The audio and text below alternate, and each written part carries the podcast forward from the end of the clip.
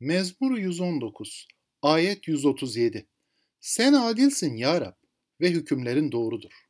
Tanrı adildir, kutsaldır, doğrudur ve onun kararları aynı zamanda onun karakterini gösterir.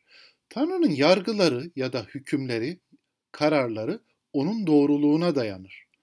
Tanrı'nın adalette ve kutsallıkta mükemmel olmasını öven bu ayetler insana aynı zamanda günah konusundaki zayıflığını da düşündürtmelidir.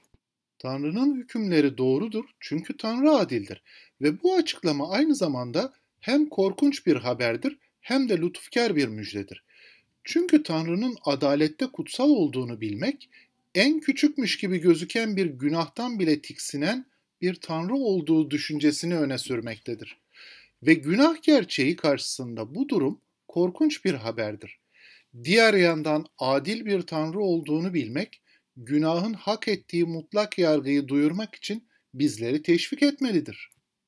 Bu noktada müjdenin nasıl başladığına bakın. Müjde vaftizci Yahya'nın tövbe çağrısıyla başlamıştı ve vaftizci Yahya şunu hatırlattı. Tövbeye yaraşır meyveler verin.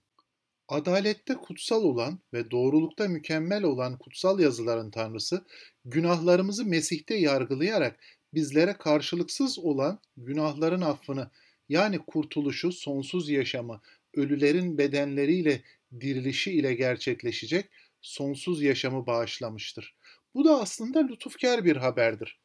Kutsal adaletin tanrısı hükümlerinde, yargı kararlarında yani kutsal ve doğru olduğu gibi günahın hak ettiği tam yargıyı da doğru bir zamanda doğru bir şekilde verecektir. Ve günah o kadar ciddi bir sorundur ki Tanrı oğlu Mesih İsa'nın günahkarlar uğruna çarmıha gerilmesi gerekmiştir. Böylece çarmıhta hem yargıyı hem merhameti bir arada görürüz.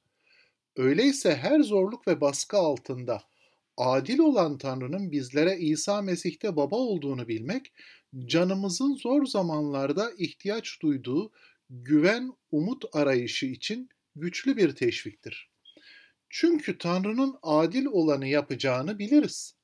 İkinci Selanikliler mektubunda ne yazdığını hatırlayın.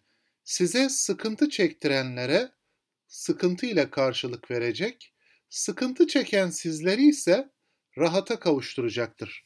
Tanrı adil olanı yapacak diyor.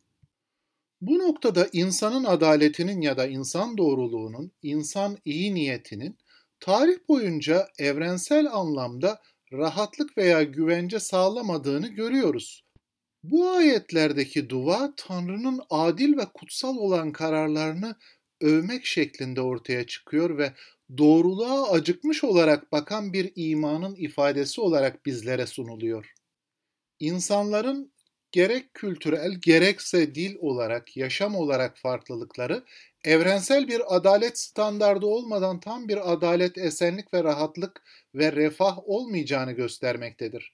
Diğer yandan günah ve kötülük problemini de işin içine kattığımızda Tanrı'nın adaletini özlemek kaçınılmazdır.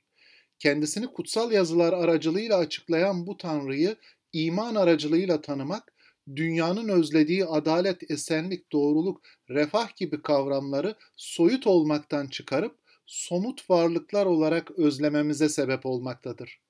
Doğruluk ve adalet, adil ve doğru hükümler sizin duanızda acaba dua listenizde yer alıyor mu diye düşünmeye başlayın o zaman.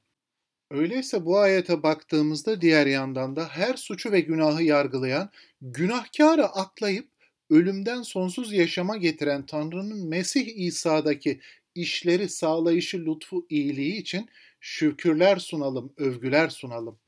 Birlikte dua edelim. Sen adilsin ya Rab, hükümlerin doğrudur. Size bereket olsun.